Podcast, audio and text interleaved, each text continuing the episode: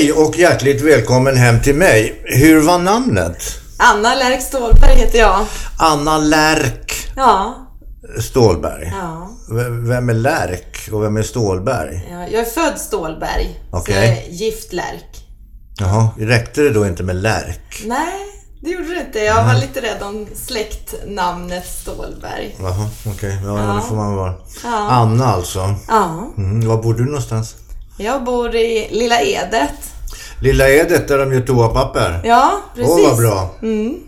Det behövs.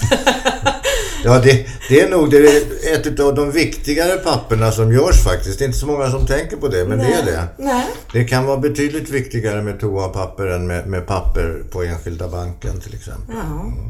Du, eh, vad är du aktuell med? Ja, i ehm, dagarna här så, så var det ju ett, eller igår rättare sagt, så var det ett pris som delades ut. Pris i vad? Ett, ett jättefint pris som heter Slangbällan som är till debutantförfattare inom barn och ungdomslitteraturen. Jaha. Ja, 20-årsjubileum och det som är mest aktuellt där då, det var ju liksom en utav författarna på det förlag som jag driver som eh, hade blivit nominerad. Och eh, igår så delades priset ut. Dock vann hon inte, men det var så otroligt Ja, men det roligt. inte... Eller det är Nej. klart att det gör något, men Ja. att bara vara nominerad kan ju vara hedrande. Ja, fantastiskt. Alltså det, det jag kände igår när Författarförbundet läste upp motiveringen och sådär. Det var ju också att, eh, att just hästboksgenren fick sig en skjuts i väldigt eh, rolig riktning. Alltså att den fick en högre status. Jaha. Att den blev, blev liksom rumsren. Ja, att Jag är man... gammal hästskötare ska du veta. Är du? Ja. Vad roligt. Jag jobbade på stuteri i min ungdom. Ja. Jag hade hand om, inte ridhästar eller galopphästar utan trav. Ja. Hästar. Jag hade 18 hästar som jag skötte. Det var mycket det. Ja, det Du, eh, förlag var du Ja. inne på. Ja, Du är född in i förlagsbranschen. Ja, kan man säga. Lärk. Ja, Eller? Stålberg då. Är det Stålberg som är Ja. i förlagsbranschen? Ja, min farmor var ju en väldigt stor författare.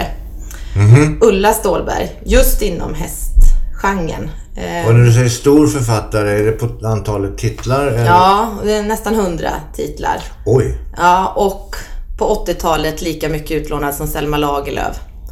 Oj. Så hon var väldigt stor, min farmor. Och eh, ja, hon startade ju liksom förlaget när hon gick i pension. Vilket förlag? Kikkuli förlag. Kikkelu? Kikkuli. Kikkeli? Ja, Kikkuli. Ja, Jaha, Kikkuli förlag. Ja. Ja. Nej men hon startade det eh, lite grann som en... Eh, alltså hon hade själv sett, hon kom ju ut på Natur och Kultur och de här lite större förlagen hade liksom ingen svårighet själv. Men hon såg med alltså, mm, potentiella jätteduktiga författare som aldrig fick chansen av de stora förlagen Mm. att få ut sina böcker utgivna. Astrid Lindgren var ju en. Ja. Hon hamnade ju på Natur och kultur. Ja, precis. Därför att hon blev nobbad av Bonniers. Ja, ja, Och det var, måste ju ha varit vid samma tid som din farmor. ja, nästan i alla fall. Var de konkurrenter? Nej, nej, eftersom farmor skrev mycket hästböcker så det var ju liksom inte samma genre. Ja, men Astrid Lindgren skrev ju i alla fall om en prickig häst. Ja. Lilla gubben. Lilla gubben. Ja, det är sant. En fin häst. Väldigt fin häst. Du, det här Kikkelu, Ja. förlaget fyller då 30 år nu. Nästa år. Nästa år. Hur ska du fira det? Eller ni fira det? Ja, jag var ju och träffade min farbror här eh, idag eh, Mhm. på, på förmiddagen och vi satt och pratade lite grann om det. Och då tänker vi oss nog att det ska bli någon form av liksom, utställning om min farmor faktiskt. Att vi ska fira det på det sättet. Och sen... Hur, hur, var ställer man ut då? På Ja. bibliotek eller? Ja, nej jag tänker nog eh, någon miljö som, alltså gärna ett stall. Alltså att vi gör någon utställning i Ja, då något ska ni stall. vara här hemma hos mig. Ja, det vore trevligt. Det är jättefint här. Eh, tänker jag. Alltså det finns, hon var ju mångkonstnär min farmor. Både liksom illustratör och Mhm. jätteduktig författare och liksom skulptör och allt möjligt. Så jag tänker det finns mycket där och mycket beundrarbrev och det finns otroligt mycket Men bevarat. du, det finns anledning att återkomma i frågan då tycker jag. Ja, det känns så. Vi får se, vi har inte riktigt bestämt oss. Jag men har ju en kan vi? kompis som är barnboks... Nej, var. Nu skriver han ju mera för eh, lite äldre vuxet folk. Men Petter Lidbeck heter han. Okej. Och, och han han eh, åker runt till vartenda bibliotek och har föreläsningar, eller gjorde förr i alla fall. Eh, och eh, han skriver fantastiskt. Min son älskar hans böcker. Och det där blir väl, är det så på samma sätt tror du för barn som för vuxna att man får sig en favoritförfattare? Ja, det tror jag faktiskt. Det tror jag. Jag vet ju våran dotter, hon alltså, det var inte bara favoritförfattare, det var nästan så favoritbok. Det är någon form av trygghet som växer fram i barnet när de känner igen sig på kvällarna. Man läser, alltså vi fick läsa samma saga, ja jag vet inte hur många år det var alltså, men det var ju liksom samma. Vi sa, kan vi inte testa en annan bok? Nej, mamma det vill jag inte. Ja, Liksom. Men det där, jag läser ju Röde Orm Ja. ganska, varje år. Ja. Varje år har jag gjort i alla tider. ja, häftigt. Eh, och det spelar ju ingen roll, jag vet ju exakt vad som komma ska. Ja. Och jag ser ju fram emot Ja. att just detta lilla äventyr ska hända. Ja, det, Men hittade du något nytt då? Förlåt? När du läser samma, hittar du något nytt? Ja, varje gång. visst är det häftigt? För det är det man gör. Liksom. Varje gång. Nya bottnar. Man kan inte säga den där har jag läst. Nej, men läs om den ska du se. Kommer det, så kommer det att bli något helt annat. Det säger även författarna. Det tycker jag är jättehäftigt. Det hörde jag igår då Angelica Örn och hon berättade där när hon fick möjlighet att, under slangbällan under prisutdelningen, eh, sin bok Anton och Teitur. När hon fick frågan så här, ja men vad handlar den egentligen om? Är det en hästbok? Och då så sa hon, nej men alltså jag har ju läst igenom min egna bok nu flera gånger och jag ser ju att det är ju andra saker som är superviktiga med den här boken. Relationsbyggandet, pappa och sticker till Tyskland för att eh, tjäna pengar och istället som kompensation så köper han en, en islandshäst som Anton då får eh, möjlighet att ta hand om och skapa en relation till och sådär. Så att det Jo. är någonting, alltså... Jo, men det där är ju... Det där, jag, jag förstår. Ja. Precis, även om det är Black Beauty på framsidan Ja. och så, så ser man, kan man läsa på baksidan att eh, Black Beautys alla äventyr och, och sen och så vidare.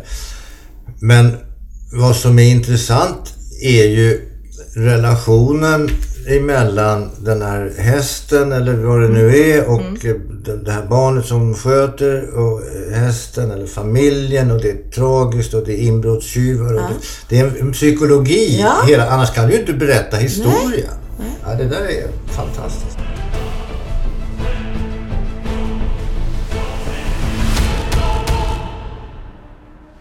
Du, Ja. ehm, du, du, du är ju ganska, eller du är ju rätt sam, samhällsengagerad, eller? Ja, har alltid varit. Alltid varit. Är du politiskt engagerad också? Ja, så det är jag jättenybörjare på. Du, men du är, Ja. har du betalt eh, avgiften? Ja, jag har betalt avgiften faktiskt. Jaså? Ja, Var lilla- då någonstans? Ja, i Lilla Edet då i Centerpartiet. Åh herregud. Ja. Men alltså... Då har vi inte jä- mycket kvar att prata om. Nej, men jo det- då, absolut. men- Vad spännande. Jättespännande! Det är faktiskt eh, väldigt nytt. Någonting som jag har gått och funderat Ja, på ganska och, länge. Och, och vet du? Vet ja, du? nej? Jo, jag ska tala om för er att jag har flera vänner, kan jag kalla dem, eller sådär, bekanta. Ja. Kvinnor Ja. i din ålder Ja. som har hittat Annie Lööfs barm att vila sig emot av någon outgrundlig anledning. ja. Så det, det kommer att bli, gå bra för henne, eller för er i valet. Mm. det Både. hoppas vi. Ja, ja, är det så att du vill bli... Komma in i riksdag och kommunalt? Och, Nej, alltså jag, jag ser verkligen på mig nu som nybörjare och få chansen faktiskt också att få vara det och börja med liksom kommunpolitik, Lilla Edet. Ja, jag känner att det, ja, det finns mycket att göra på hemmaplan. Och jag tänker utifrån att eh, ja, det jag jobbar, jag jobbar ju mycket med samhällsutvecklingsfrågor. Eh, förutom mitt förlag då så att säga. Jag är ju sån här kombinatör. är en jävla bra inställning och det där glömmer ju våra riksdagspolitiker. De, de svävar ju i, i en annan himmel än den som vi vanligt folk befinner oss i. Det där som du säger att vad fan, det gäller att hålla rent på sin egen trapp. Ja, Att- det är att- jätteviktigt. Det är skitaviktigt. Ja. Du, Ja. ehm, du, du är förlagsdirektör, är det det? Ja, ja det, det kallar man väl sig. Kickeliku. Ja, Kikkuli. Kickeli. Ja, det är väldigt svårt det där Ja, det, namnet. det tycker jag du ska byta. Det, är inte, det är inte min sak. Kickeli. Ja. Eh, kan man leva på det? ja, det kan man, men det är tufft. Alltså det, det är svårt i förlagsbranschen att vara ett litet förlag. Det är, jag tror att man måste skapa sig många olika ben. Alltså inte... Inom förlagsverksamheten? Ja, ja, vi tar steget... Men står du på, på barnsbenet nu eller? Alltså... Hästboksbarnsbenet? Ja, alltså jag är ju egentligen ingen hästtjej från början. Mer än i den bemärkelsen att jag var med väldigt mycket i stallet när min syster började rida. Mm -hmm. Min farmor sponsrade min systers eh, ridlektioner väldigt tidigt och så hängde jag med. Jag hade en läggning för att spela badminton. Så att eh, jag härjade i badmintonhallen mycket men jag tyckte hästarna var väldigt fascinerande. Men jag hoppade aldrig upp på, rid, eller på hästryggen och började att rida så som min syster gjorde. Hon var väldigt, väldigt duktig och är fortfarande. Ja, var, var hon duktig att hoppa eller var ja. hon gjorde sådana konstiga piaffer? Ja, och, ja, nej, ja men på bägge delarna. Och alltså, ja, och så hade vi ju så här, hon... kunde gå på snedden över... ja, men fantastiskt vad man kan göra med hästar. Men jag gillade... Men jag gillade ju hästarna. Jag var i stallet, jag tog hand om dem. Jag gillade att rykta dem, jag gillade att ta hand om dem och pyssla om dem. Och... Mm. Ja, ja de, de är, jag förstår det. Ja, och, de är, värmen. och jag kan förstå ja. den här vurmen. Och det, varför, varför tror du att det är mest tjejer som håller på sådär? Ja, jag, jag tror att Det kan ju tjej... inte bara vara att hoppa Nej, upp på sadeln alltså... och sära på benen. Det måste ju vara någonting till alltså. Nej, men jag tror så här. Hästar är ju otroligt starka djur. Och ja. otroligt eh, intelligenta djur. Ja. Och, jo, det är de. Eh, det är de. Men, mm. men eh, och, och, jag tror det här liksom... De är, inte tjejer... smarta, de är inte smarta nog att vägra i alla fall. Nej, men tjejer har ju, alltså du får tala från egen erfarenhet. Tjejer i grupp har ganska svårt att klara av ett, eh, ett schysst spel. Eh, de blir ofta, alltid, ofta någon, alltså det blir så här subkulturer i tjejgäng och det är alltid någon som är bättre än någon annan och så här. Men i en stallmiljö där det finns väldigt dominanta varelser i form av hästar så har man liksom, man har ett flockbeteende. Att man liksom blir tillsammans kring, kring djuret och det är liksom djuret som är fokus. Och jag tror att det kan vara en del utav anledningen till varför det är... För tjejerna är väldigt starka i stallet tillsammans. Jo, men jag, där har man ju hört å andra sidan att, att uh, vissa tjejer får ta hand om den hästen och det, det mm. fick inte jag göra om jag mm. skyndar mig till stallet så kommer jag... Det är slagsmål om, mm. om, om Brunte och mm. vad det nu heter. Mm. Och att man liksom står där och hoppas på att man ska få tilldelad den bästa hästen och allt det här. Det finns ju det fortfarande i stallen idag. Ja, en väldig hierarki Ja, så är det. Ja. Och sen överst där så står ju han som driver själva ridskolan. Mm. Oftast en man. Och bestämmer, oftast en man. Ja. Mm, det är så det ser ut. Men du, du är ingen hästtjej? Nej, inte på det sättet som man kanske Eh, Skulle kunna tro. Ja. Eller inbilla sig. Ja, faktiskt. Men du, ja. du har ju en annan sida. Mm. Som låter väldigt... Den låter väldigt mycket och det låter väldigt konstigt. Det här med papegojor. Ja. Vad, vad, vad är det? Ja, men det är också en sån här fascination. Ända sedan jag var liten man gick eh, ja, på Skansen. Jag, jag, är ju född i Solna och uppvuxen i... Är du född i Solna? Ja, Var då? Eh, jag på Krysshammarvägen bodde, bodde jag tills jag var två år gammal. Jaha, det var inte så mycket. För Nej, jag, jag, så jag har inget minne så. Nej, för jag är också uppvuxen i Solna. Ja. Men eh, mamma och pappa eh, flyttade ut oss till Bålsta. Så där har jag vuxit upp. Så, men man var mycket på Skansen och så här när man var liten och det. Och mamma hon sa så här, nej men nu ska vi gå och titta på björnarna och sånt där. Mm. Men det skulle inte Anna. Anna gick alltid till papegojorna. Anna gick alltid, alltså det gick inte att dra ifrån. Alltså jag stod var så fascinerad över de här vackra fåglarna och att de kunde prata och liksom så här. Så det där hade jag, det bestämde jag ganska tidigt i mitt liv att när, innan jag fyller 30, då ska jag vara gift och jag ska ha papegoja. Det räcker inte med en kar. Nej. Ska du ha en till som håller på att käfta emot? Ja, nej men det är jätteroligt. Jag har två amazonpapegojor. Vackra som är de ju. Ja, de är jättefina är de. Ja. Och, och skräniga. Alltså det får man inte... Men man, så... behöver ju bara, man behöver ju bara sätta en, en duk över buren så tror de ju att det är mitt i natten. Ja. Då blir de ju tvärtysta. Ja, så får man göra ibland. När man känner att nej men nu räcker det så. Men sen jag har ju en voljär utomhus också så jag har dem ju ute. Voljär, det är en bur, en stor ja, stor bur. fågelbur. Stor ja. fågelbur ja. Så att de kan det hade de på Skansen förut. Ja. Där, där hade de till och med örnar och ugglor och annat eh, konstigt. Ja. Jaha. Ugglor har jag också haft. Jo, tror jag säkert. Under en Ugglor sommar. i mossen har jag ja. mycket undrat. Ja. Du, ja. Eh, du har många järn i elden. Hur hinner du med då?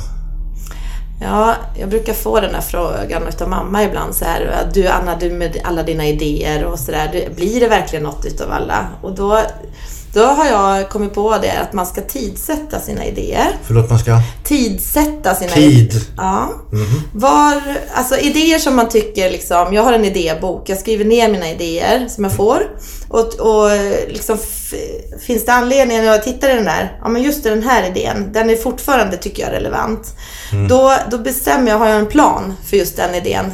Hur ska den förverkligas? Är det en så här tioårsidé eller är det en, en veckoidé? Eller vad är, det för, vad är det för tidsperspektiv?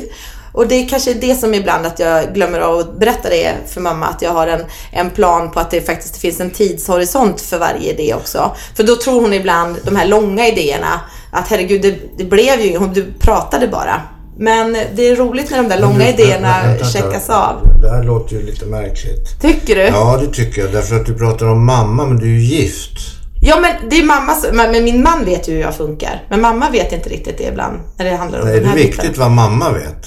Nej, alltså, det är ofta hon Ja, som men hur frågar. gammal är du, får jag fråga? Jag är 43. Nej men det, det är roligt med mamma. Det som är roligt med mamma det är att hon är väldigt intresserad. Jo, det är underbart. Men är det så att du, du tar den här boken, Ja. eh, visar du den för din man eh, och, och så Nej. får han... han Den är min. den är din. Eh, så han blir bara utsatt för de här eventuella långsiktiga eller min, mer eller mindre korta eh, Idéerna. idéerna. Ja, ofta har vi också idéer tillsammans. Det är väldigt roligt. Vet han om dem Ja. innan de blir... Ja. Ha. Har du barn? Vi har, ja, vi har fyra barn. Ja, min man hade två när vi träffades. Och så Okej. har vi fått två tillsammans. Stor familj alltså. Ja, en stor familj. Jättemysigt. Då ska du hinna med det också. Ja, fast nu, nu är det liksom, nu är de rätt stora. Nu är ju minstingen blir 14 i sommar. Så att nu är det ganska mycket fritid, så att säga.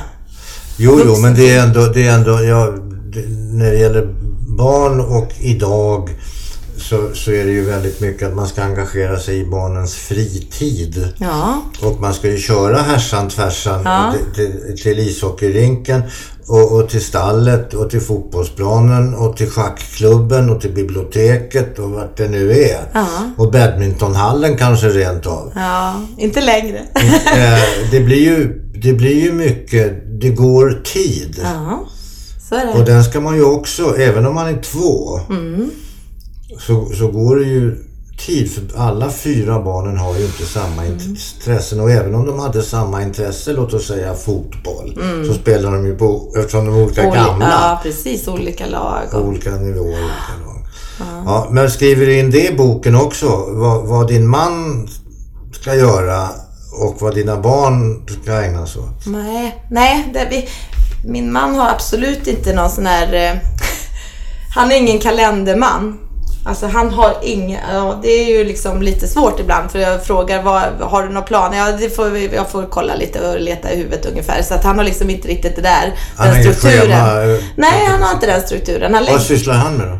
han, är, han är sångare. Jaha, Ja, ja, det är ju bra. ja. Ja. Ja, Men då måste ni ju komplettera varandra Ja, ganska bra. det gör vi. Om det är så att han har den mera laissez-faire, låt gå.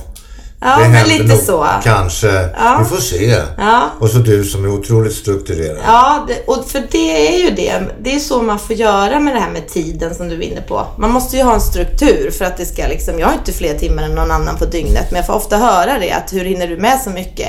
Men det är väl det att man, man strukturerar upp då. Att jag tänker liksom, som sagt. Men du, eh, det betyder i princip att du inte har någon fritid. Eller att du, du, Ja. använder, du använder din tid, Ja, och, eh, men även fritiden kan vara sysselsättning. Ja. In, inkomstbringande sysselsättning. Eller ja så kan det absolut vara.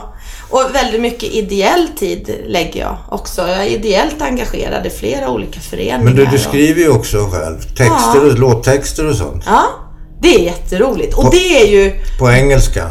ja, både på engelska och svenska. Men nu har det blivit mest på engelska det sista. Du, för att jag, jag har ju också skrivit lite texter och sådär. Och då hade man ju stor glädje av Ådners rimlexikon. ja, ja. Det Eh. där är liksom, ja det där är ju svårt alltså. Det Och då- håller jag och med sen, om. Och ja. sen finns det då naturligtvis motsvarande på engelska. ja, så är det. Får sitta mycket och de här olika uttryck som finns och ja. Jo, för det är ju det att, eh, har jag hört, jag träffade nämligen en, en, en, en musiker som hette, eh, och kompositör och sångare. Han hette Wolf Biermann, en tysk. Ja, Och han bodde i Östtyskland. Jag träffade honom när jag jobbade i Östberlin. Eh, och han var, han var helt isolerad för att han var ju, han var ju liksom fientligt inställd till DDR. Men han, samtidigt så tjänade han ju väldigt mycket pengar åt Ja, DDR, västvaluta och så vidare. Hur som helst. Och vad roligt att du är här. Så han och jag, vi, hälsade på varandra. Och jag flyttade in till honom där lite grann. Och eh, han var väldigt eh, trevlig på alla sätt och vis. Vi hade jävligt roligt. Och så sa han, du fan vad bra, du är ju svensk. Jag skulle vilja... Eh, eh, jag håller på här och ska, ska, ska eh, översätta eh, tyska. ja, Några di- dikter av Nils Ferlin. ja. Ja, så spännande. Ja, det, du kan väl hjälpa mig med det? Ja, men så jag, du kan ju ingen svenska. Nej. det kan jag inte. Men jag är en jävel på tyska. Ja, precis. Så grejen för honom, och sen har jag hört hans inspelningar av Nils Ferlin på tyska. De är ju enastående. För han sa det, det är inte den som ska översätta, är inte den som kan det språket som det ska översättas från. Nej. Utan det Tvärtom. som kan det språket som ska översättas till. Ja, precis. Ja, fick jag lära mig då. Det, det fattade jag ju inte förrän... Nej men så är det och även när böcker och så ska översättas då ska man ju, alltså den, det ska ju vara modersmål. Alltså den som faktiskt gör det. det de har ju lätt, även om de inte kan svenska perfekt så klarar, alltså det, det är tillräckligt bra så att man liksom kan få ut det på ett bra sätt. Ja, och det där är, nu har ju det här med bloggandet blivit väldigt, väldigt, Ja. väldigt, väldigt stort. Och jag måste säga, nu följer inte jag så mycket bloggar, men till min stora förskräckelse, Ja, stora förskräckelse. Ja. Och det är väl att jag är gammalmodig och, och, och, och, och, liksom uppfostrad i en annan tid, en annan era. Men de kan ju för fan inte skriva. nej. Alltså det är inga redaktörer där. Men ett, ja det är väl en. Ja, ja, nej, det är men, det, ja men det går ju otvättade texter men det blir ju... Och, och de, de kan, det med särskrivning Mm. och de kan inte stava. Nu nu är jag lite dyslektiker så jag kan inte heller stava. Nej. De vet inte när de ska sätta punkt. De vet Nej. inte när det ska vara stor bokstav. De kan inte skillnaden på var och vart på honom och han och henne och hon. De vet inte när man ska skriva dem och det Nej. och, och, och Alltså Så- vad är det för något? Nej, det är... Ja. Det har ju ändå hållit på ända sedan. Man liksom det här snabba formatet. Det ska ut, allting ska ut så fort. Det liksom, ja, det. Jag är inte riktigt fan av den utvecklingen faktiskt. Att Nej, inte, det är inte jag heller. Och, och, och alltså... Man kan ju hafsigt. önska sig en massa saker och man kan tro och hoppas en massa saker. Men jag brukar tänka så här och säga så här, nu tar vi det lite lugnt här. En graviditet, den är nio månader. Mm. Ja. Du, sen kan du tycka vad du vill Ja, om precis. den tiden. Ja. Men det är nio månader. Punkt jävla slut. precis. Så att det går inte att, påskydda och det går inte att förändra utan nu är Nej. det på det här sättet. Det är liksom en Men jag vet, jag vet där... Jag fick ju möjlighet eh, när jag på min tidigare arbetsplats, Drivhuset, så fick jag möjlighet att skriva en bok eh, så, liksom, som bygger på, som handlar om affärsutveckling och, och eh, hur man kan liksom paketera forskning, alltså allting som handlar om entreprenörskap och hur man på bästa sätt får liksom driver igenom idéer och så vidare. Eh, och då fick jag ju förmånen att ha en redaktör. Och jag tyckte ju liksom när jag var klar med texterna så tänkte jag så här, men nu är boken klar. Ja, men lite naivt då. Jag håller med om att det var naivt. Men, men eh, otroligt rolig process. Att ha en redaktör. och få feedbacken och kan vi inte slänga om, ta, du behöver komma in på det här tidigare och liksom, det är ju jätteroligt och det har jag tänkt på själv när jag ibland så här, kanske är lite för snäll. Alltså det är, som, som person så har jag en liten sån att jag är lite konflikträdd och jag har lite det här att liksom, kanske blir någon som blir ledsen om man säger vissa saker och sådär. Men jag har, jag- då tänker jag tillbaka på det just det där att när jag nu sitter som redaktör för böckerna som ska ut. Att jag, jag är inte elak. Utan jag är ju jävligt snäll. Nej, men som betyder, som alltså, man är väl hjälper inte elak bara Nej. för att man berättar att hur du så här måste vi göra. Ja, nej nej, men jag menar det är många, alltså det här med bebis, när du pratar om graviditet, många ser ju på liksom när de kommer med sitt manus till ett förlag, så ser ju de på det som sin bebis nästan. Alltså det är ju deras verk som de kanske har suttit och, jag har en, en tjej som, som är, kommer att vara debutant med en bok eh, på förlaget i, till hösten. Och hon har hållit på i 18 år med det, Det är här ingenting, manuset. jag håller på med en historia i 40 år. Ja. Men ändå, jag menar det är ändå så att när hon kom till mig och hon hade blivit liksom refuserad utav väldigt många förlag. Eh, och, och så kom och så hade hon ändå samlat mod. Jag skickade en gång till. Och så visste hon vem min farmor var och hon presenterade sig så varmt i det här brevet som är så oerhört viktigt när man får in manuset. Eh, Så då, ja, då fångades jag lite och så ringde jag henne och satt och pratade. Och jag förstod det, att det där var ju faktiskt en bebis. Det där var inte ett manus, det där var ju någonting så mycket mer. Jo, jo. Ja, jag- och då kan det vara det här när man går in liksom och nej det där håller inte, det där måste du jobba om. Att det kan ju liksom bli sådär nästan att men som sagt, jag, nu känner jag det. Jag känner mig så stärkt just att jag själv har varit Jo, igenom en sån ja, process. men då gäller det ju för dig då som redaktör eller som Ja. förläggare att Mm.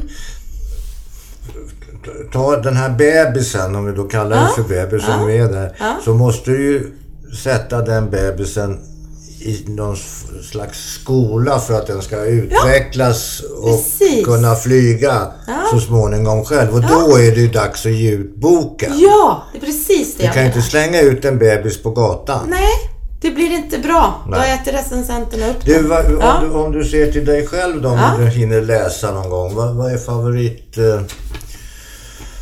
författaren? Finns det någon sån? Ja, alltså jag har ju haft några sådana här som... Ja, men... eh, Ja, favorit. Jag har varit väldigt mycket allätare. Alltså jag har läst allt möjligt, både deckare och liksom eh, fantasyberättelser. Ja, du behöver inte. Jag, jag är likadan själv om Ja, någon nej, talar jag- om för mig. ja. Eller någon ber mig berätta. Jag har ju läst en del. eh, Eller rätt mycket och, och sådär. Men alltså jag, jag vet ju att jag höll på att plöja Läckberg ett tag. Väldigt, väldigt mycket. jag har läst hennes böcker också. Ja. Och nu gör jag det för att jag känner henne lite grann. Men, men eh, nej, Nej. någon stor författare det är hon inte. Nej, men hon har men en jag- genre. Ja, jag kom in i den genren ett tag. Men sen så också, alltså en bok som, som jag återvänder ofta till, alltså och tänker på, det är den här Svensk maffia. Mhm. Har du läst den? Ehm, Det är liksom om- som beskriver hela, Mm, jo. hur, hur hela liksom, vad heter det, alla MC-gäng och hur, hur hierarkin funkar och Jo. så här. Så extremt välskriven. Jag tycker den är extremt journalistiskt välskriven bok. Jag tycker om att läsa liksom, eh, där det är liksom dokumentära texter och journalistiska texter. Det, är ju, det tycker jag är väldigt spännande. Och där får man ju så... Alltså den är så nära. Alltså det går inte att ducka för hur, hur det här kriminaliteten, hur den är uppbyggd i Sverige och fått så starkt fäste. Det ty- ja, sånt tycker jag är spännande. Ja, men det, ja, det, vi, behöver inte, Nej. vi behöver inte gå in på det. Nej. Därför då blir jag förbannad. Ja, du blir Därför, arg då. Ja, jag blir jättearg på det där. Ja. Därför att mi, mitt förs- enda förslag som jag har till alla jävla idioter till politiker, vare sig de är centerpartister eller sverigedemokrater eller vad- miljöpartister eller vad fan de nu är, socialdemokrater. Ja. Du, titta på, det finns en film som heter Gudfadern. Ja. Titta på den. Inte som en spelfilm, un- underhållningsfilm, utan titta på den som en dokumentärfilm. Ja. Gör så och sen kan vi börja prata. Mm, Nej, men, Idioter. Usch, jag, jag- alltså, jag hatar dem.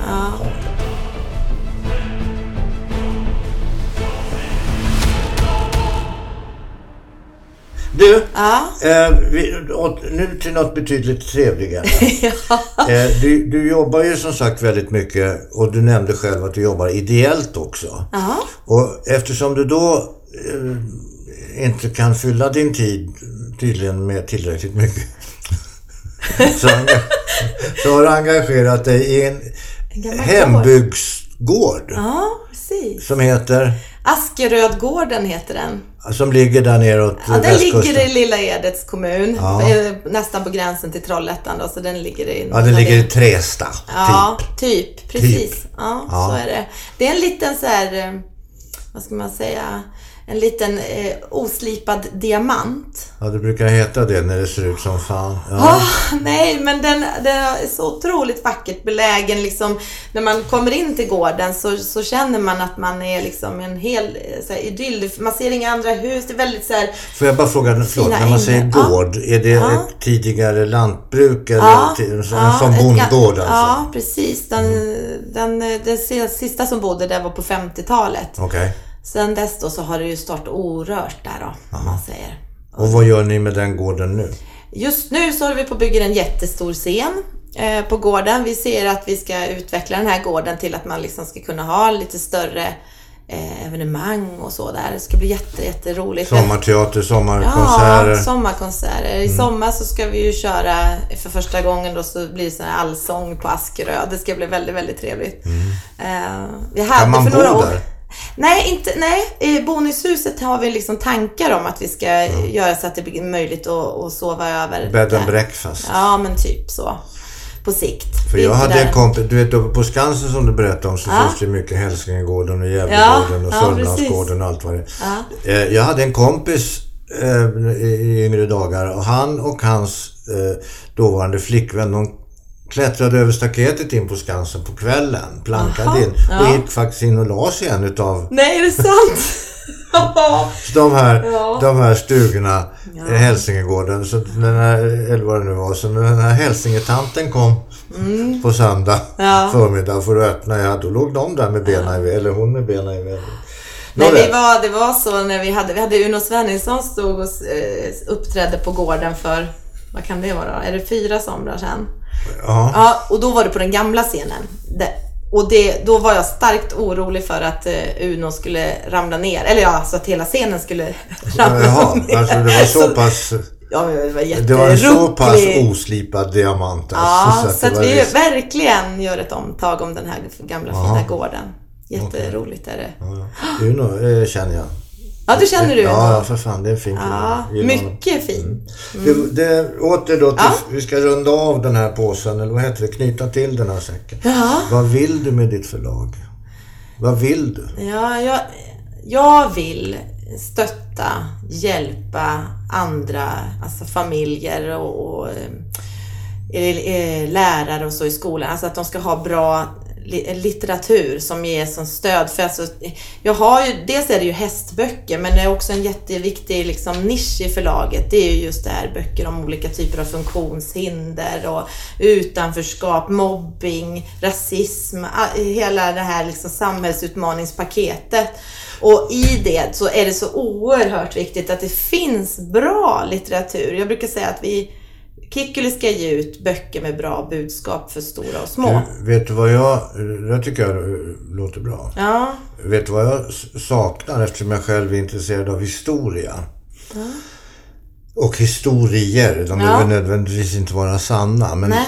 det är Sverige ja, har och är, varit, är otroligt framgångsrika under århundradena med att ha hittat på grejer som hela världen idag brukar, använder utan att för den skull veta att när jag drar upp gylfen så var det faktiskt en svenne som hittade på det. ja, ja. Eh, alltså det finns så mycket. Och när jag ringer i, i min mobiltelefon, ja det var ju, hallå. ja. Och väx, väx, mobilväxlar och, eller vad heter det, telefonväxlar och allt, allt vad du vill. ja. Så är det ju kullager, alltså det är så mycket grejer ja. va. Och. Ja. Det vet ju ingen idag. Ingen vet om det. Och att kunna, för jag har varit inne på det, att samla 21-20 stora svenskar. ja. Att, Ta med lite kvinnor då bara. jo, men, jo men svenskar Ja. säger jag. Finns, Ja. det, finns det kvinnor Nej, men de- så, så, så måste ju de också med Mm. naturligtvis. Men ofta är det ju tyvärr män som oftast mest har hållit på med det här. Ut- De exemplen du ra- raddlar upp, det är, det är män som eh, ligger bakom de uppfinningarna och innovationerna. Men det finns väldigt många... Det vet jag att det gör. Det vet jag att det gör. Så oroa dig inte. Jag, Nej, det, jag ville bara säga det för vi hade ja, en ja, sån jo, för, diskussion. jo, att, you eh, got it for the record, som ja, det heter. ja, det är bra. Absolut. Det är bra. Jo, det Ja. var... Eh, och sen, sen så var det eh, det här med, med ditt engagemang, ditt ny, nyupptäckta politiska, kanske Ja. inte nyupptäckt, men engagemang, det rent Ja. fysiska engagemanget i, i, i politiken. Det tycker jag är otroligt fascinerande. Ja, roligt. Och jag förstår inte att du överhuvudtaget orkar. men det- Med alla dessa jävla dumskallar. Ja, det ska bli jättespännande.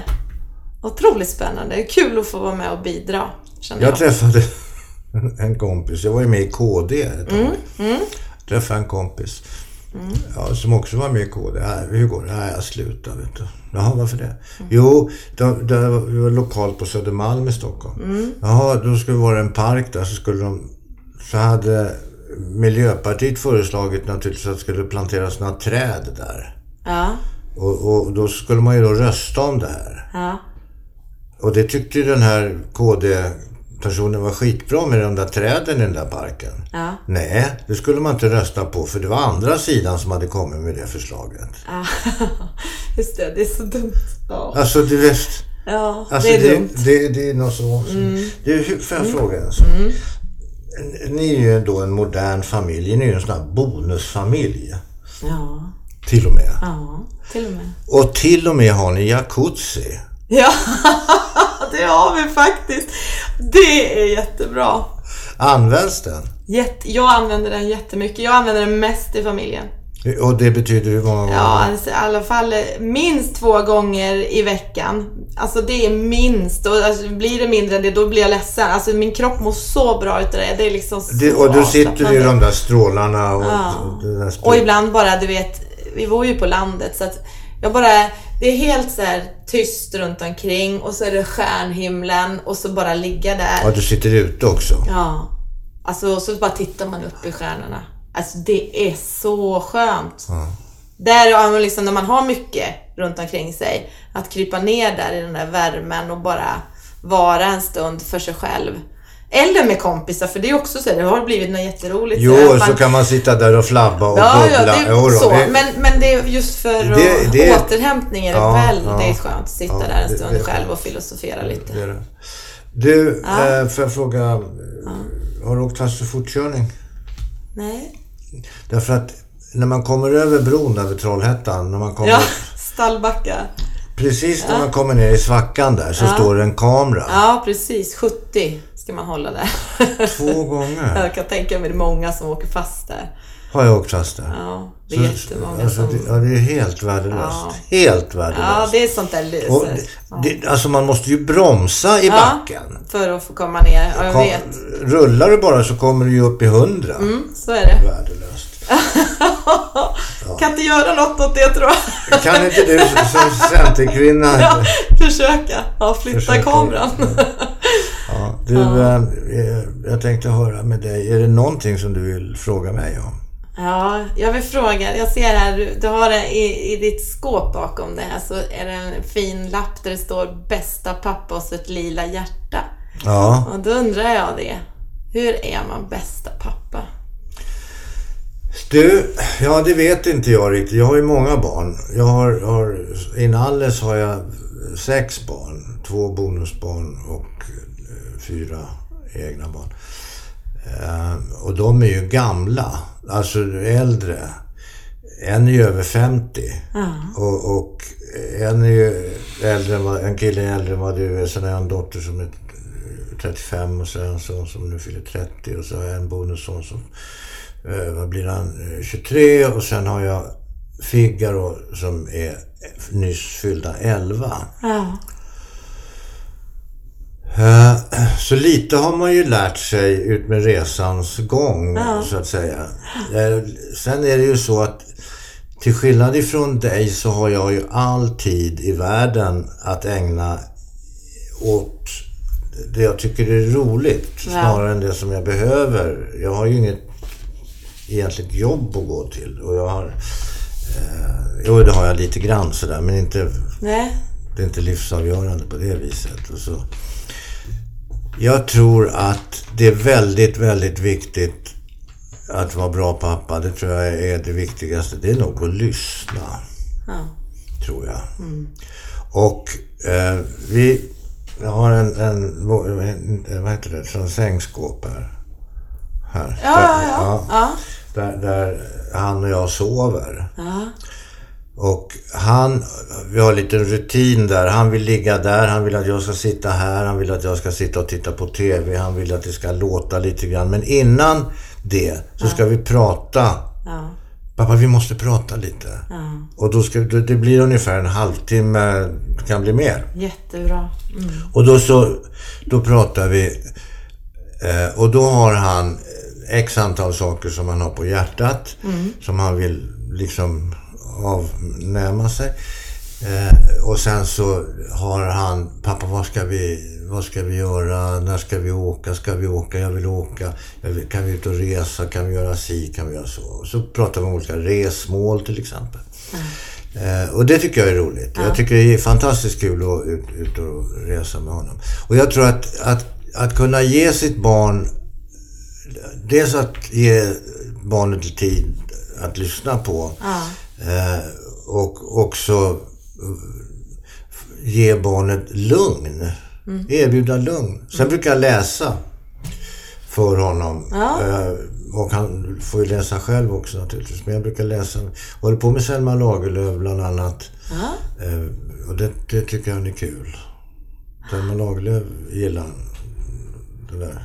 Det är fascinerande när du sa när världens bästa pappa eller bästa pappa just att lyssna. Min pappa är ju döv. Och han kan ju liksom rent fysiskt inte lyssna.